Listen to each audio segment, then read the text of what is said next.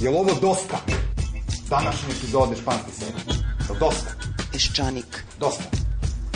Ona kaže ubacio kartu, nisam ubacio kartu. Na samom početku glasanja ustaje sa svog mesta. Jasno da se izbori moraju održati. 2000 kvadratnih metara je dato na licitaciju. To potpuno nije tačno. 3 miliona evra. Oko 200.000 evra poreza. Samo kraja, momci! Pa nikad nisam uh, ni čuo za to, gospodina. Mornjakija, bato, nema drugo! Da bi čorba bila gušća, onda Ja idem da popijem se pivo. optužbe da dokaže na sudu. Peščanik. Ne može crkva kvariti naše državne odnose. Da li je vama jasno da sam ja jakao popao? Da li si znao da možeš civilno služiti svoj vojni rok? Ne znam. To je cirkus. Najavljene smene u Monarici... Ne razumem. Šta piše na ekranu? Kaj glasanje?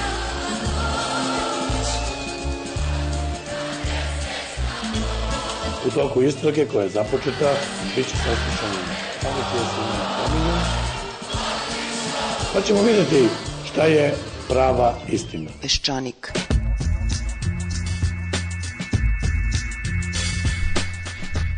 Dobar dan. Danas centar grada vrvi od duhovite mlađarije.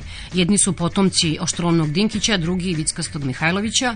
Naime, podmlaci liberala i G17 plus su danas istovremeno na udaljenosti od nekoliko desetina metara u centru grada imali neke bizarne akcije u kojima su se međusobno optuživali za korupciju. Nije bilo incidenata, jer ipak su to sve evropljani, naklonjeni kapitalizmu, samo što je Mihajlović više naklonjen kapitalizmu sa ljudskim licem, njegovim uglavnom. A Mihajlovićev advokat Aleksandar Lojpur se ubio ovih dana od posla, on tuži celu državu, osim Mihajlovića naravno i njegovih goveda ili bikova, šta god ono beše da tovi. A inače, advokat Lojpor je očigledno uspešno završio posao predsjednika još uspešnije Koštuničane komisije za istinu pomirenje i sada šta je logičnije nego da gleda od čega se živi, a ne od koga se mre. Mnogi ljudi će na našu polzu i zabavu otići sa političke scene, a nova lica se već pomaljaju. U zemlju se vratio Aleksandar Radović, bivši predsednik Komisije za ispitivanje zloupotreba u privredi.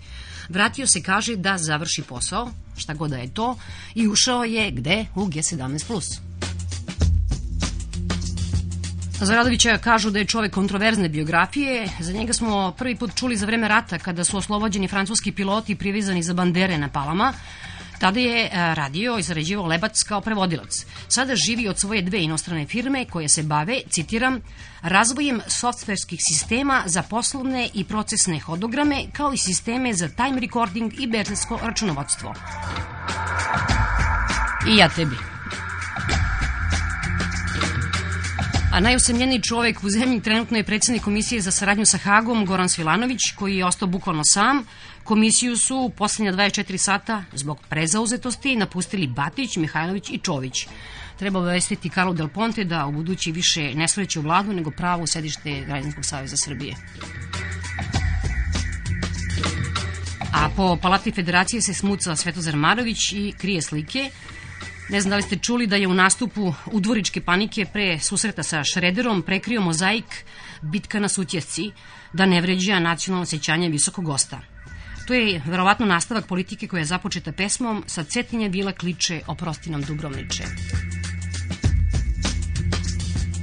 A naš predsednik Marović očigledno nije upoznat sa činjenicom da je Šredrova stranka ovih dana zatražila da se preispita stanje u nemačkoj vojsci, čiji je komadant specijalnih snaga smenjen zbog antisemitske izjave. I tako umesto da se bolje informiše o gostima koje prima, Marović misli da je za ulazak u Evropu dovoljno preći na hrvatski govor i smerno kršiti ruke. Ovo je Peščanik, sada slušate gospodina Dimitrija Boarova, novinar lista Vreme, on uglavnom u vremenu piše o ekonomiji.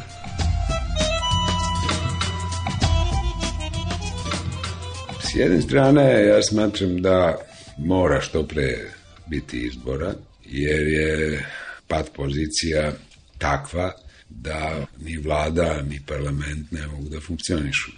Međutim, po mom mišljenju, preterane nade se gaje u to da će posle izbora se stvoriti neka mnogo efikasnija koalicija koja će ubrzati reformske stvari u Srbiji.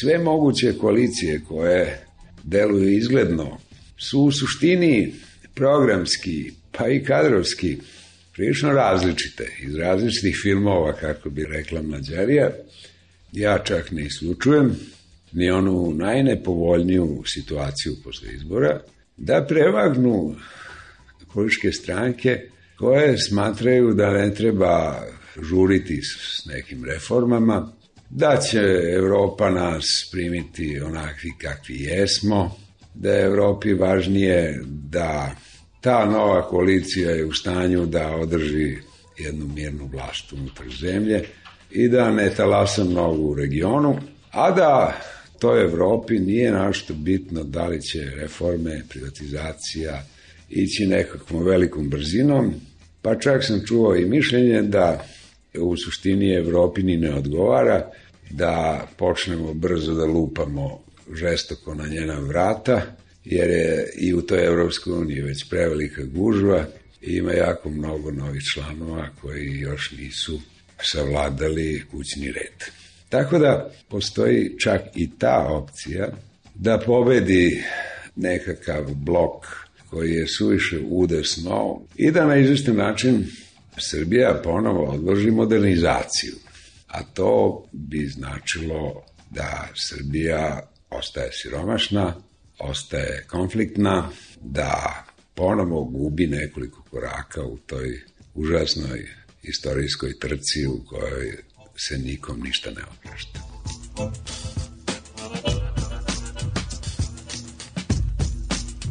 Ono što mene brine kod vodećih ljudi G17+, to je taj višak samopouzdanja koji oni imaju.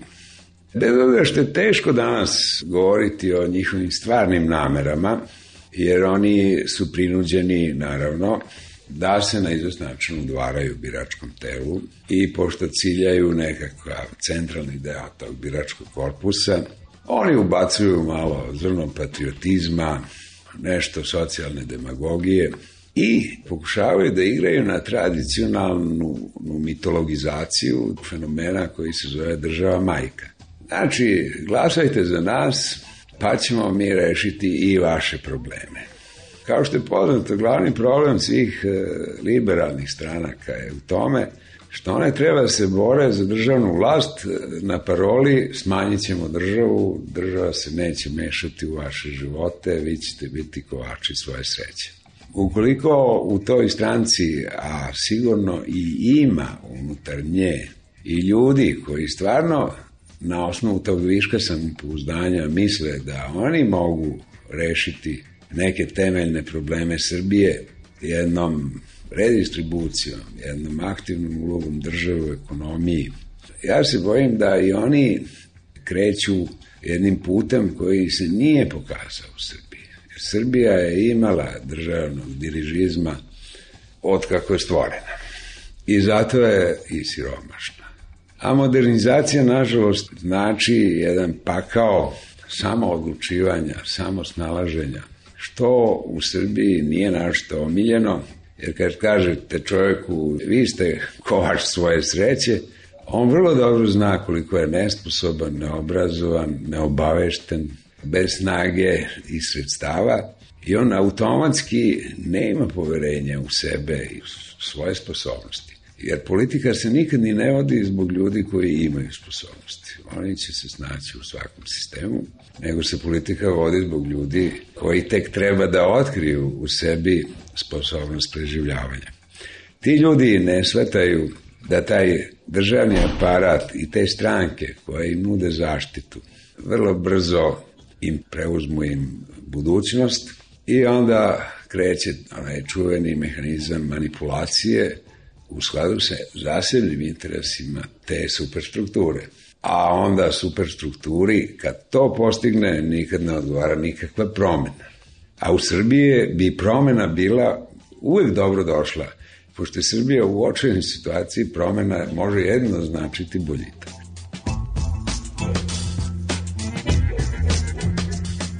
Ja ću vrlo otvorno reći, ja mislim da je Dinkić možda najsposobniji čovjek danas na javnoj sceni Srbije. E sad, naravno, ako možete da me razumete, da li je pametno ga bilo držati za guvernera ili možda sutra ga postavljati za šefa vlade ili je možda najbolje staviti ga za šefa policije. A ja mislim da bi on svaki posao dobro obavljao. Ima ljudi koji se plaše Dinkića, koji smatraju da smo jednog takvog već videli, koji je svoju užasnu efikasnost povezao sa jednom sumanutom ideološkom schemom, a imao je tu efikasnost i tu karizmu i onda u tom jednom debalansu se stvorila jedna ličnost autoritarna. I neki ljudi kažu da se toga plaši kod Dinkića. Ja se toga ne plašim kod njega, ali ja uvažavam to da u državi u kojoj ima jako mnogo podeljenih interesa, efikasnost mora da ima svoju granicu. Neke stvari se stvarno ne mogu postići prečim, bržim putem, iako je s druge strane DSS, na primer, Kuštunicina stranka od, od toga da se ne može neke, nešto postići prečicom, oni su od toga napravili čitavu filozofiju. Sve to što G17 plus sada iznosi, davno je mogla izneti Demokratska stranka Srbije, ali očigledno u toj stranci se svaka odluka vaga mesecima. Onog trenutka kad je ta vlada rešila da, da skloni Dinkića pod izgovorom da suviše zloupotrebljava govornicu Narodne banke, a ja mislim da je ne, nešto drugo u pitanju, da je to u pitanju bio strah te ekipe iz demokratske stranke, da će morati primiti celu tu grupaciju u svoje redove, pa bi onda, jel da, ta rukovodeća struktura morala sići 7-8 stepenica niže, da je, dakle, od tog trenutka kad su likvidirali Dinkića, navodno na osnovu Đinđićevog testamenta, u narednih nekoliko meseci oni su se praktički našli na lađi koja je izrešetana. I to govori o efikasnosti G17+. Bilo šta je to značilo. Bilo dobro, bilo loše za Srbije.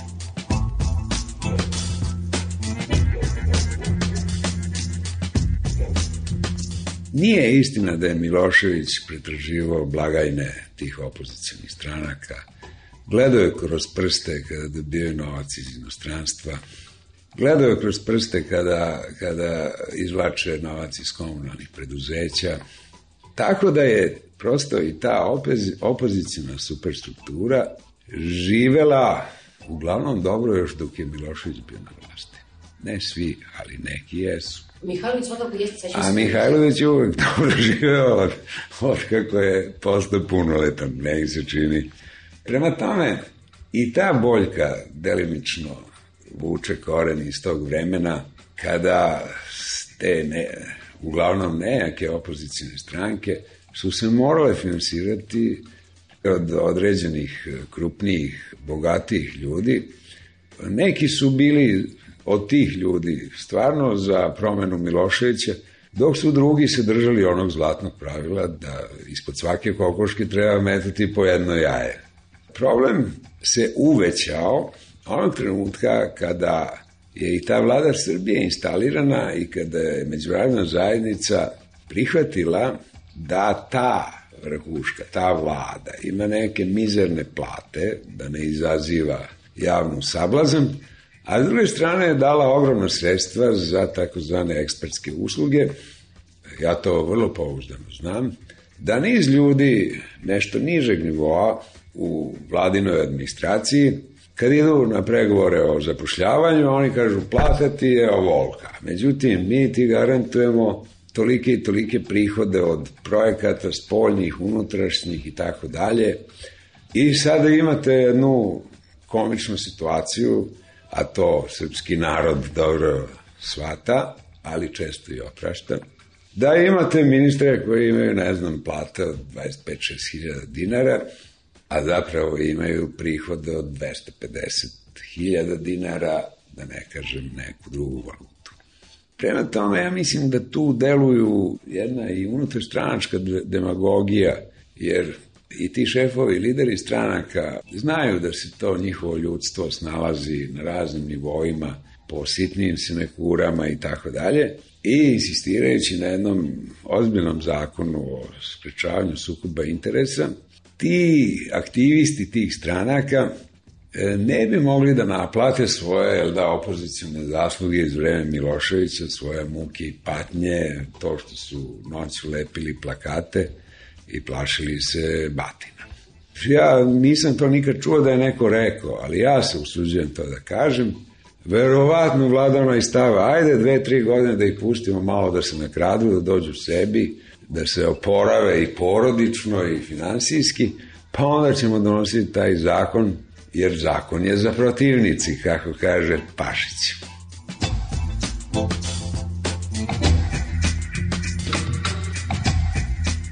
Taj valov određenih bogataša je podugačak i oni utiču na politički život Srbije vrlo direktno. Za Karići sam apsolutno siguran. Ono što je rekao Svilanović, to, to je samo početak priče. Mislim da je njihov pritisak na državni aparat u Srbiji, a posebno sudski aparat, nepodnošljiv.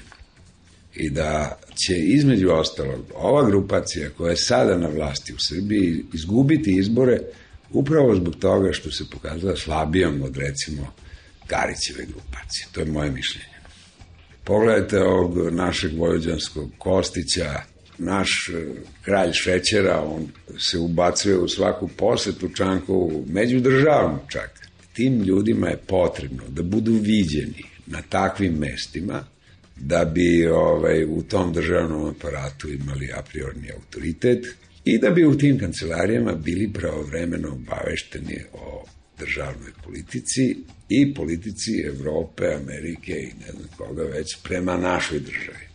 Oni apsolutno ne koriste nikakvu formalnu privilegiju države. Ja verujem da Kostić plaća sam svoja putovanja kad prati gospodina Čanka u Zagreb ili u Podgoricu. On sigurno ne krade na dnevnicama.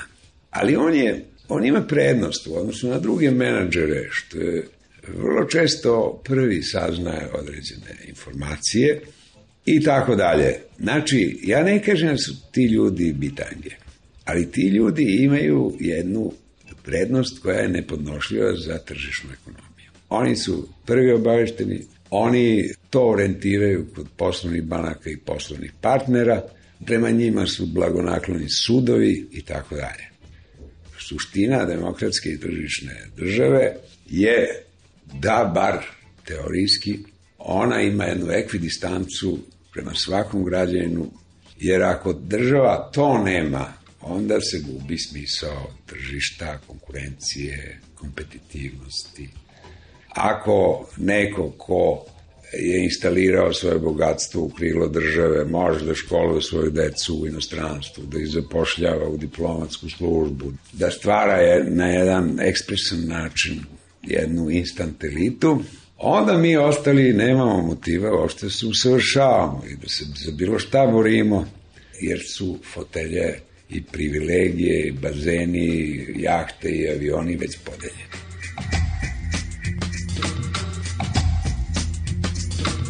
Sad ću reći nešto fatalističko. Nije samo stvar u, u nesposobnom političkom vodstvu, već je stvar u tome što ipak istorija nikad ne oprašta. Suviše je u posljednjih sto godina gluposti napravljeno, to mora da se plati. Prema tome, ja verujem da se razvoj Srbije može ubrzati, ali nikad nisam verovao u Đinđićevu tezu da se Srbije brzo može promeniti. Mora se jako brzo raditi da se ona promeni, ali ona se ne može brzo promeniti.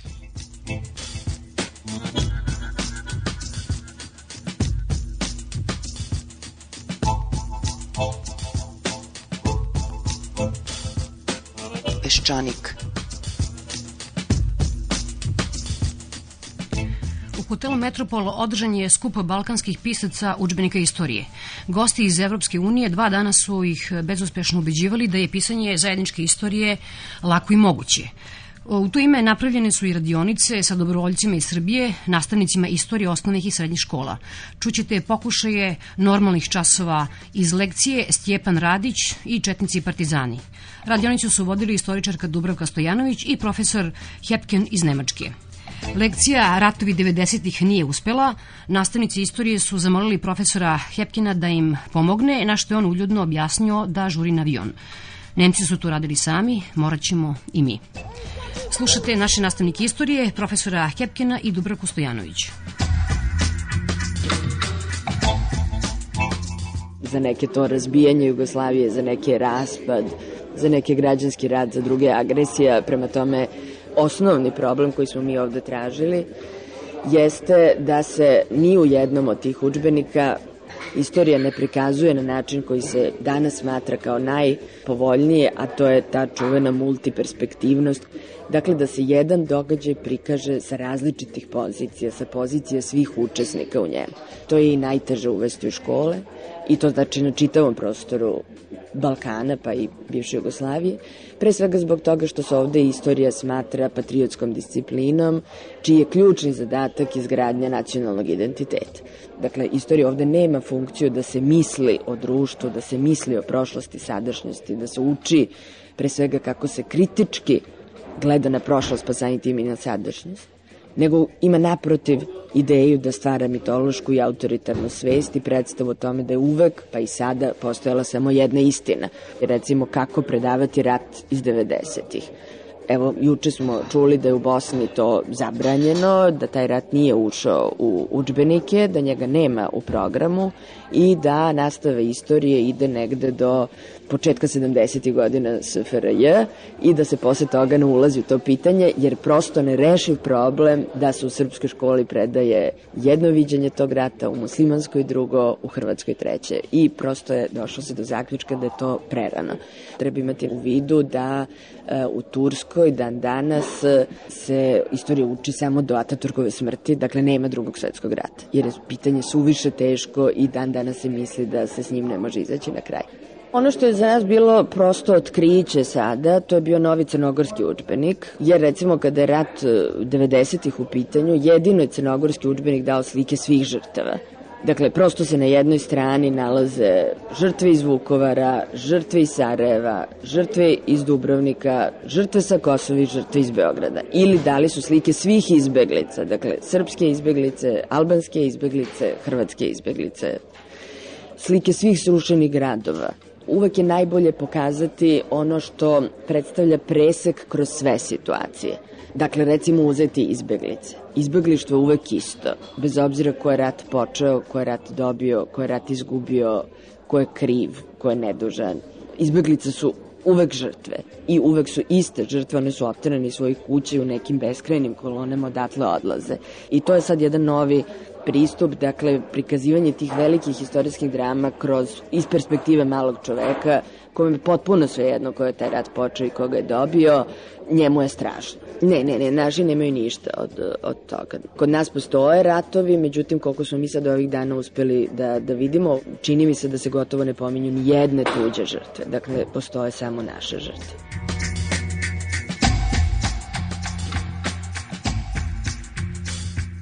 Podelit ćemo učenike na grupe, gde će jedna grupa da bude Narodna radikalna stranka, jedni će da budu HSS, IMO, Slovenska ljudska stranka i komunisti. I kada se to odradi, onda opet ih delimo u nove grupe, gde sada jedna grupa ima zapis sa same sednice gde je ubijen Stjepan Radić, druga grupa prati novinske reakcije strane štampe, srpske, hrvatske, treća prati reakcije političara i tu imamo izvore Pribićevića, Mačeka i na kraju proglas kralja Aleksandra koji se pročita u celini gde on objašnjava jel da, zašto uvodi diktaturu i onda se otvara diskusija o temi i pitanje političke kulture je jako važno gde će oni moći na osnovu zapisa sa sednice gde će ta grupa praktično da izvede ubistvo u Skupštini te govore, rečni koji su koristili u međusobnom obraćanju, te to sve što je dovelo do samog čina ubistva i njima će biti jasna politička kultura u Kraljevini u to vreme.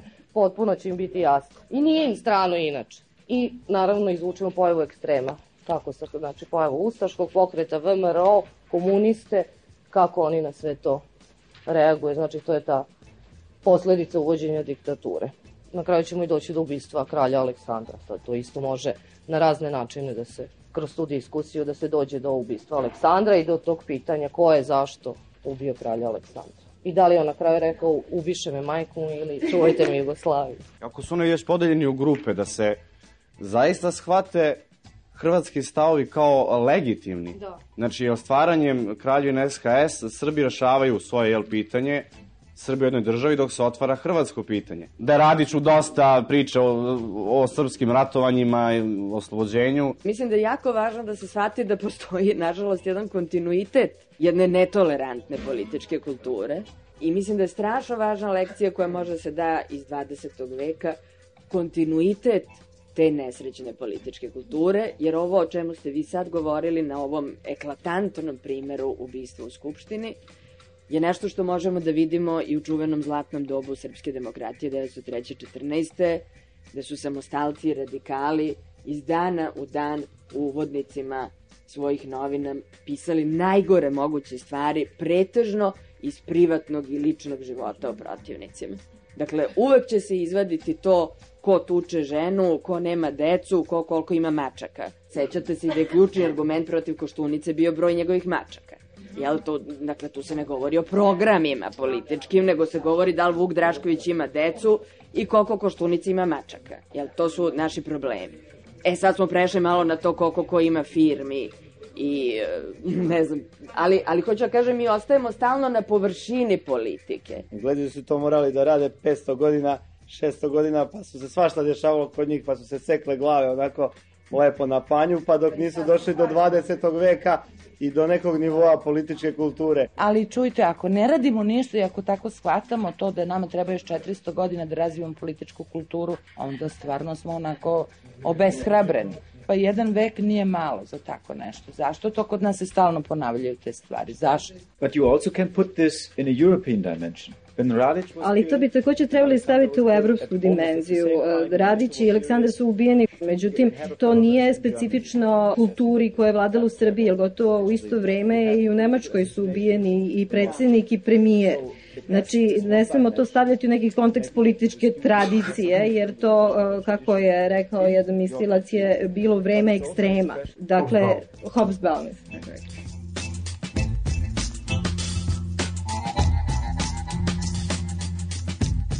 Znači oni imaju zadatak da smisle kako bi predavali đacima ta teška pitanja, ali sa ovog stanovišta da osvetle sve strane koje su tu zainteresovane. Jer ono što mi obično, odnosno isključivo gledamo, to je kako je naša strana videla neki događaj.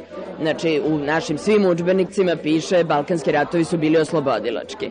Ali zaboravljamo da u učbenicima većine drugih naroda koji su učestvovali u tom ratu piše nešto sasvim suprotno i da su ti ratovi za njih najveća trauma, da se oni osjećaju i Albanci, i Bugari, i Turci, i Makedonci, kao da su ti ratovi bili osvajački. Za sada to nas još uvek ne zanima šta onaj drugi misli, ali to je jedini način zapravo da se ti konflikti ili bar emocije koje ti konflikti stvaraju u buduće smanje ali ono što recimo su juče u tom vrlo dugačkom razgovoru teorijskom kako primeniti to u učionici, mnogi nastavnici izrazili kao svoj strah to je da su primetili da se deca u razredu sve više vezuju za najnegativnije pojave.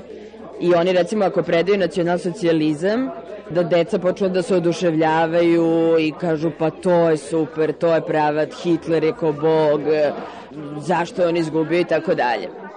Tako da su oni izrazili jedan opšti strepnju šta će se desiti ako se tako moderno pristupi nastavi istorije ako se đacima upravo dopadne najgora ponuđena varijanta. Na što je tu bio ovaj profesor Hepken iz Nemačke, mi zajedno vodimo tu radionicu i on je rekao da oni naravno imaju takve iskustvo u Nemačkoj, ali da je tamo potpuno legitimno prekinuti čas.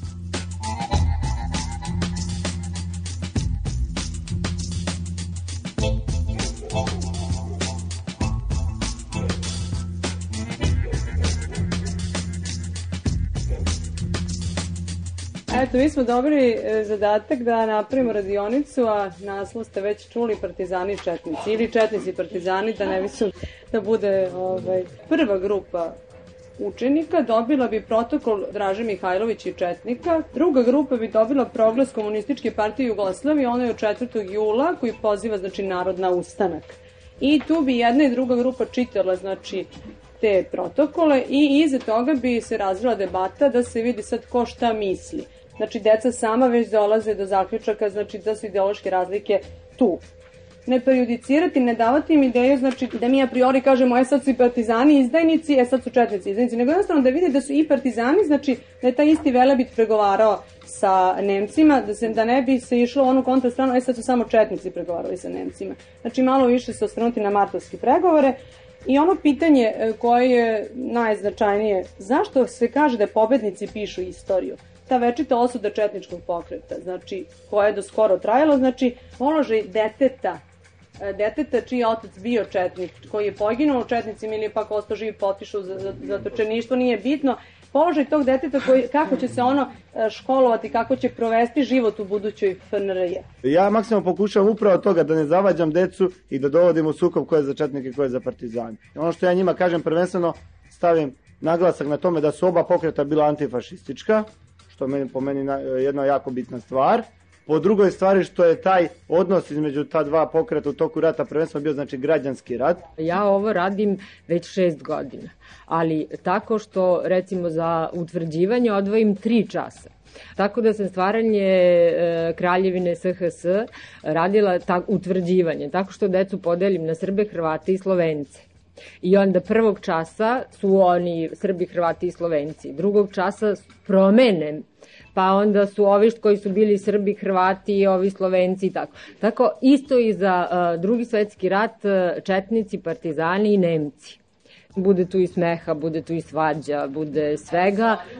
Da, da, da, pa da vam ne pričam da su se maskirali, da su bili ranjenici, da su donosili pištolje, puške, uh, Srbi, ovi, uh, onda kad se stvara SHS, onda Srbi, Hrvati, Slovenci, pa onda promene govor, pa mislim, bude stvarno lepo. I think that in particular in this Ova tema je izuzetno relevantna danas, kada je ona postala do sve mere ispolitizovana, e, kada se god se govori o odnosima partizana i četnika. E, praktično se manje misli o njihovim odnosima 1940 ili tokom drugog svjetskog rata, nego o načinu na koji se to reflektuje na 90. godine. Ono što nismo ovde pomenuli, a što je vrlo važan faktor kad govorimo o tom građanskom ratu, jesu zločini na civilnim stanovništvom. I to je takođe jedno mesto manipulacije recimo u novom učbeniku istorije gde imamo samo zločine partizanske strane, a gde nemamo ni sajmište ni banjicu, na primjer.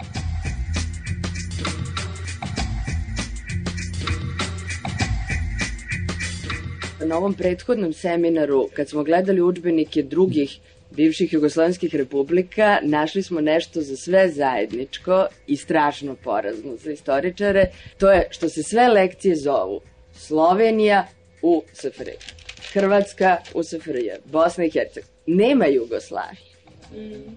I to je apsolutno zaključak za sve. I to je ono što je e, možda jedna od najstrašnijih dimenzija te interpretacije, dakle da prosto se više čini da ta Jugoslavija nije ni postojala niko od te dece, upravo koji se ni ne sećaju te Jugoslavije, dakle oni su rođeni već kad je ona počela da se raspada, dakle oni nemaju iskustvo Jugoslavije, oni neće ni u svom obrazovanju zapravo dobiti informaciju o njenom stvarnom postojanju, onom što je nju povezivalo i čini mi se da je to sada još jedan korak dalje u to da se razume uopšte šta je bila ta država u dobrom, lošem smislu, sve njene kontroverze, zašto se raspala, se bojim da smo se mi jako od toga svi na toj teritoriji udaljili, a to je nešto što je važno za svakog od nas. Mislim, ako mi ne razumemo zašto se ona raspadala i zašto se ona ponovo pravila, i jedno i drugo, mi ne razumemo svoj 20. vek, a ako mi ne razumemo svoj 20. vek, mi imamo ozbiljan problem.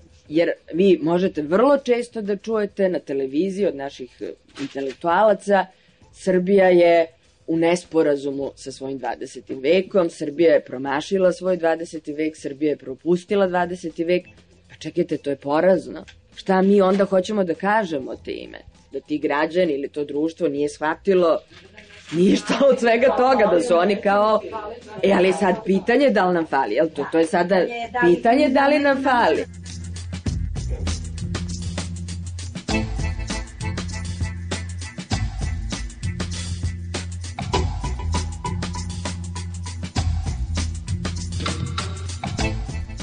Bili su ovo naši nastavnici istorije, gosti iz Nemačke profesora Hepken i istoričarka Dubravka Stojanović. A sada slušate književnika Lasla Begela. Izbori su samo simptom te krize koje već unapred najavljuju da ništa neće da promene. I partije koje radikalno zahtevaju izbore svi redom, već se vidi da neće znati šta da rade ako će dobiti izbore. Prema tome, bit će izbori gde će biti svaki gubitnik. To je sukob unutar desnice. Nažalost, demokratska stranka isto deo te desnice i u stvari posle 5. oktobra ona sve više krizira ka tom pravcu i pripremima na neke radikalnije varijante od sebe, tako da je ona još nam najumerenija. Ona je imala jednu, jednu želju da bude centar. Međutim, šta je to centar? Kod nas najčešće centar to znači da ništa, malo ovo, malo ono, to kao ruska salata. Tako da centar je praktično još prazan i naravno demokratska stranka nažalost je neke potezi, na primjer uvođenje veronauke, kašnjenje sa nekim bitnim zakonima i tako da je nužno vodio tu stranku ka desnici. Time i ona proizvodila i svoju klopku. Mi sad imamo jednu paradoksalnu situaciju da demokratska stranka će biti žrtva sobstvenog proizvoda. Nema konzervativizam u najboljem jednom smislu. Konzervativizam kome je stran svaki radikalizam. Konzervativizam koje želi korak po korak.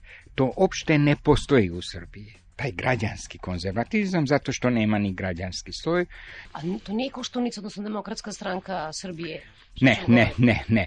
Meni bi bilo drago kad bi e, postojala takva partija, ali njegova partija ne, nije to. Njegova partija jeste prepun tih radikalnih impulsa. Ja mislim da između Koštunice i njegove partije danas postoji jedan latentan sukob, koji neće se vidjeti sve dok ne dobije veliki deo vlasti. Višim njegovim aktivistima Koštunica je potreban, bez njega ne mogu ništa da dobije, bez njega oni bi postali anonimna jedna partija, to je jedna, jedan simbol Koštunica u Srbiji. Ali čim će sesti u fotelji, onda će više koštunica u njihovim očima neće biti simbol bez kojeg ne može, nego jedan profesor koji može da razmišlja kako želi. Oni će raditi kako oni žele, ali očito, ako čovjek temeljno pogleda šta on piše i šta pišu njegovi aktivisti i šta govore, to je ogromna razlika. Koštunica u stvari jedan čovjek, jedan politički čovjek koji nema partiju. Ta partija koja ima u Koštunicovi glavi, to zaista je potrebna Srbiji, a ne ona partija koja ima u stvarnosti. I ti, njegovi aktivisti partijski koji će nam doći na različite položaje, u stvari to je da, loša vest za da. nas. I za Koštunicu, iskreno da kažem. A da ne govorim da neka vrsta moderna levica koliko nedostaje u Srbiji, to je sad već i tragedija. Prema tome, dve bitne partije ono što bi bili motori razvoja, ta evropska levica i konzervativna desnica, to su najbitnije partije i upravo to nema.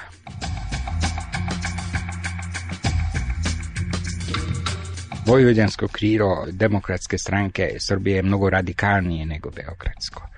Tako da Maršićanin bi, kad bi bio u Vojvodini, onda bi bio suviše čovek kompromisa. To je interesantno, u, Vojvodini je pobedio Labus, a drugi je bio Šešej, a treći je tek Koštunica. To već pokazuje tu strategiju da Vojvodini treba ovaj napraviti velike razdore i da Novi Sad i Vojvodina budu ovako polazište osvajanje Srbije. Desnica sad ima jednu strategiju kako osvojiti Beograd sa severa.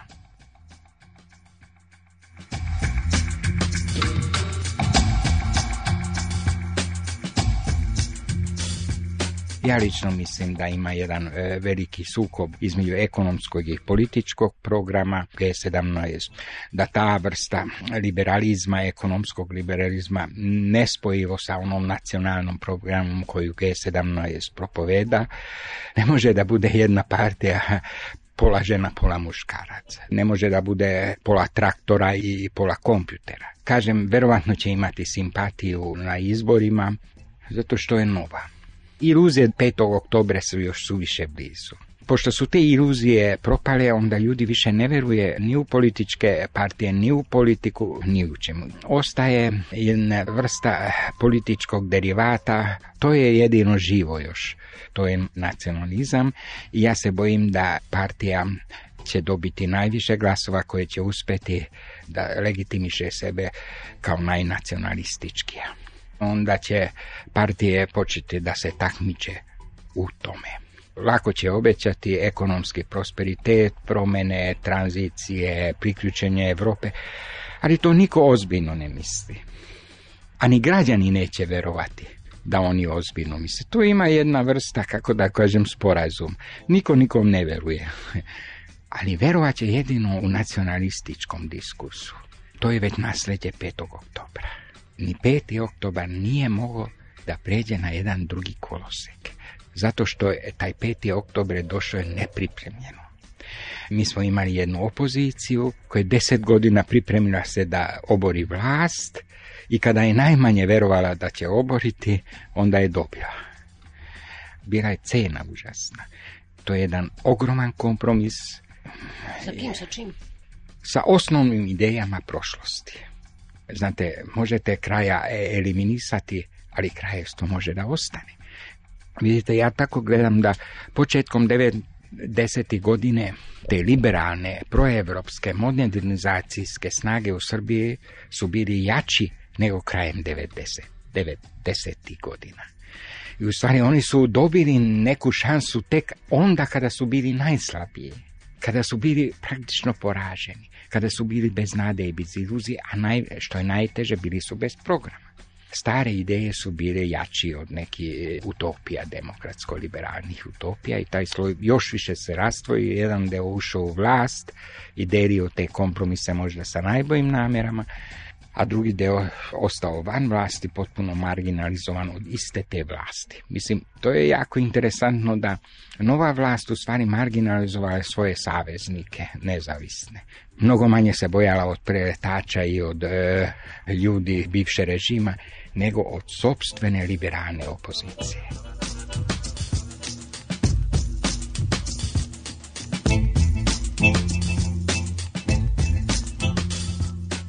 Jedno od stalnih mesta je da smo propustili šansu i da nije bilo tog 6. oktobra, simbolički gledano. Vi u stvari kažete da nije bilo 4. oktobra, je li? Jeste. Ja mislim da 4. oktober je izgubljen tamo negde pre i za vreme NATO bombardovanja. Intelektualci i političari su izgubili u toj situaciji kompas i vidjeli su da nema boje grešenja samo jedna, jedna vrsta redizajnirani program Miloševića. I u stvari onog trenutka oni su potpuno izgubili nadu. Mnogi liberalni demokrati u sudbonosnim trenucima kažu nacija ipak je važnija neke demokratija, a to postaje ima velike posljedice za budućnost i to je se odigralo kod nas. Da liberali su položili oružje desnicom 1999. godine ako su liberali položili oružje pred desnicom 99. godine, onda su oni bili izgubljeni za 4. oktobar za pripremu 5. oktobarskih događaja, onda nam je trebao Velja Ilić da uđe u Skupštinu, onda je bilo logično da Zoran Đinđić ide četvrtog i da se sastaje sa Legijom, što je potom rezultiralo njegovim ubistvom, verovatno, jedan od razloga. Jeste, tako? Jeste. To je to, to je to, dobro ste me shvatili. Kako da kažem, ta narativa je počela 99. godine. I da je Veja Ilić ušao, i da je sklopljen neki sporazum sa Legijom. Pak sa đavolom. Pak sa đavolom, to je ta faustovska dilema koja je postojala i koja je otvorila preletače prema novim pobednicima. Znate, svi mi osuđujemo preletače. nije problem u preletačima. Svugde ima naravno preletača, a zašto je kod nas toliko masovna bila ta pojava? Pa zato što nije bila velika razlika. Preletači nisu morali da donesu e, žrtve, samo jedan mali iskorak ovamo ili onamo. On nije morao da se menja, samo neku nijansu, eventualno pojedine reči morao da izmeni i već je bilo sve u redu. Prema tome nije uputno i nije ni pravično sad preletače osuđivati i, i smejati se njima. Ne, ne, ne. Preletači su u stvari kontinuitet u našem društvu.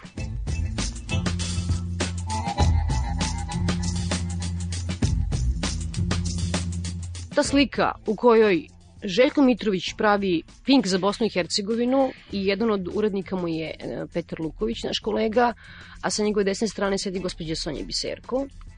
I mi smo imali na B92 gostovanje ljudi koji su apsolutno bili desničari, jesu desničari, profašističke provenijencije, tako da kažem, i antisemiti i ko šta tu radi? Ako Čitate? bi čovjek teo da bude ironičan, onda bi rekao da se desilo pomirenje na naš način.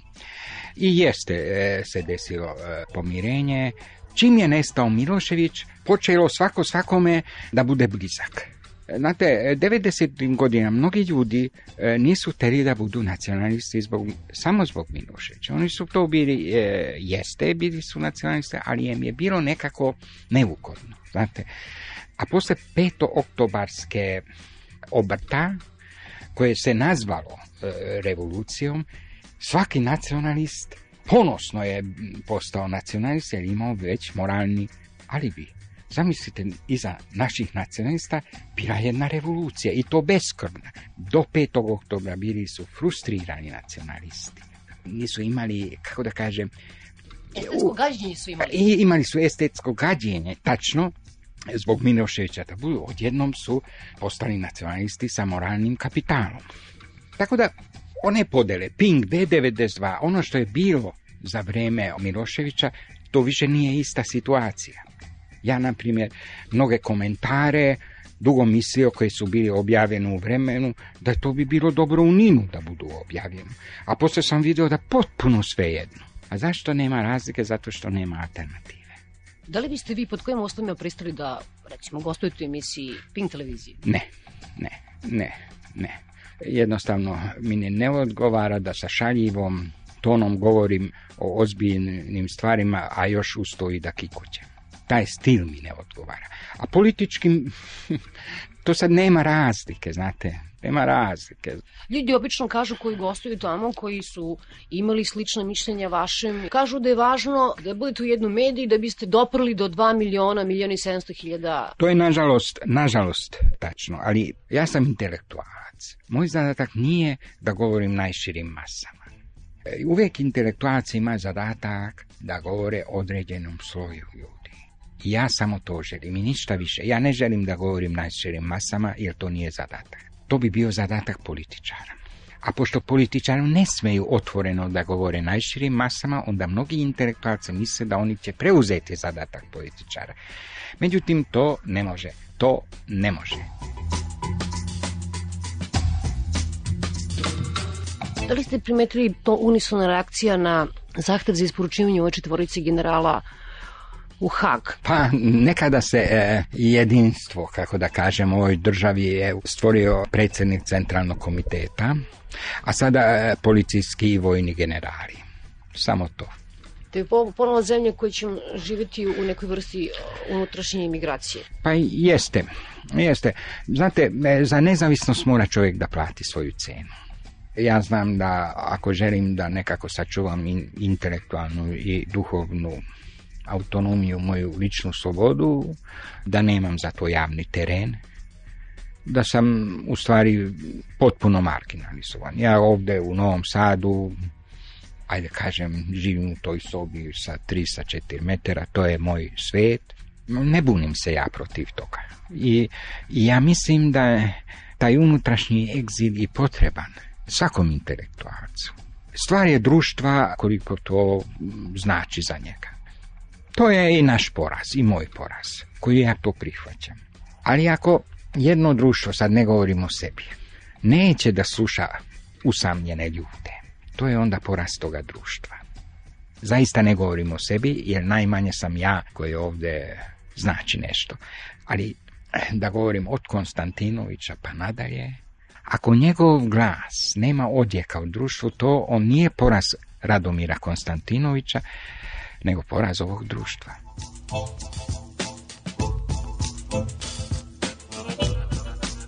Kod nas da građani rade protiv sopstvenog interesa već 15 godina minimum masovna pojava. To meni kad vidim onda mi je žao. I onda mi je žao kad uveče ja ponekad prošetam i vidim jedan mlad celog leta sam gledao koji bi želeo da bude srećan i simulira tu sreću u baštama tih kafića i, i čini sve ali će biti nesretna zato što njegovi roditelji, pa možda i on sam, nije imao hrabrosti da promeni situaciju. Tu, tu nažalost, znate, e, Tomas Manje rekao ponekad da demokratija mora ponekad da obuče pancirnu košulju da odbrani sebe. To je veliki problem da kod nas niko ne želi u ime demokratije da obuče pancirnu košulju da odbrani demokratiju. Jer demokratija ne, se ne brani samo u tim velikim danima, nego na ulici, u društvu, u porodici. Kada neko govori govor mržnje, onda mora neko da kaže da ne. A mi mislimo da se demokratija brani samo u parlamentu. Ne. Ako mi ćemo u svakodnevnici ćemo biti sposobni da branimo demokratiju, onda ćemo izabrati i druge poslanike. Nije loše da televizija ima direktan prenos. Pa neka pogledaju, pa porodice da pogledaju taj parlament. To je naše ogledalo. I nema šta mi da, e, ja ne mogu da se bunim protiv tog ogledala. To smo mi izabrali. To je naše ogledalo. To smo mi.